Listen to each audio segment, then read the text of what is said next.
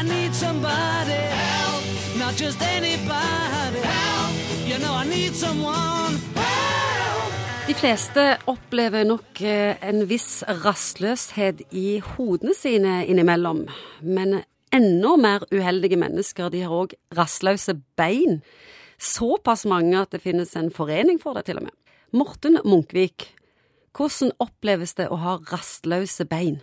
Jeg ble veldig nysgjerrig på rastløs hode. Hva betyr det? Det kan jeg fortelle alt om. Kan du det? Hva, er det sånn at van, trankene vandrer? Er det det?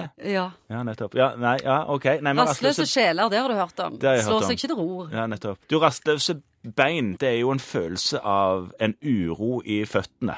Som kommer som en kriblende følelse når du sitter i ro og ikke, ikke skal bevege deg. Du skal sove, eksempel. Klassisk når du skal legge deg og sove og du ikke får ro i det hele tatt. Jeg ble jo veldig spent på disse møtene i den foreningen du snakket om, om de, om de har et møtelokale, eller om de bare går, går rundt og, De og snakke, rundt og snakker. sammen. Nei, men det er et betydelig problem for de som har det. Og da, når du da har lagt deg, så hvordan oppleves det da?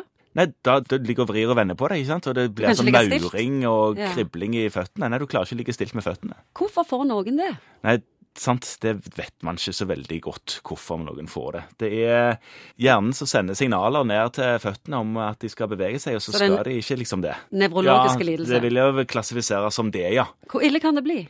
Det kan jo være sånn at det forstyrrer nattesøvn betydelig, at det ikke rett og slett fungerer dagen etterpå pga. dårlig søvn.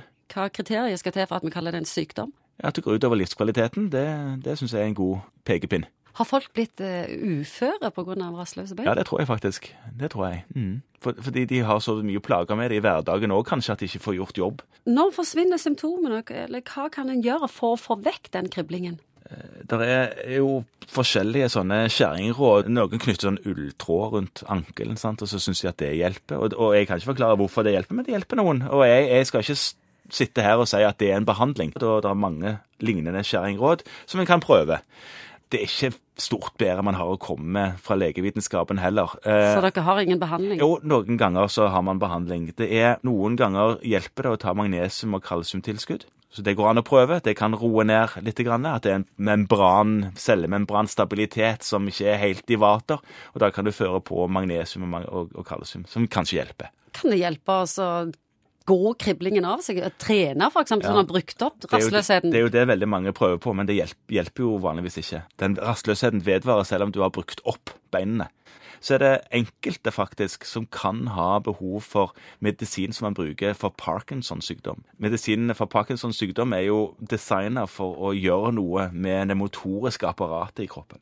Jeg forstår godt de har en egen forening. Ja, ikke sant? Ja da, og, og det er nok en forening eh, men sikkert enda sliter de nok med å få, få god hjelp. Men noen, altså, toppen av behandlingen, i alle fall for, i allmennmedisinen, er nok å prøve ut noen sånne få Parkinson-medisiner. Det er litt sånn eh, kontroversielt, og kanskje en er nødt til å spille på lag med nevrologene for å få til akkurat der, der, der, da. Men det går an å forsøke hvis det er store plager. Help me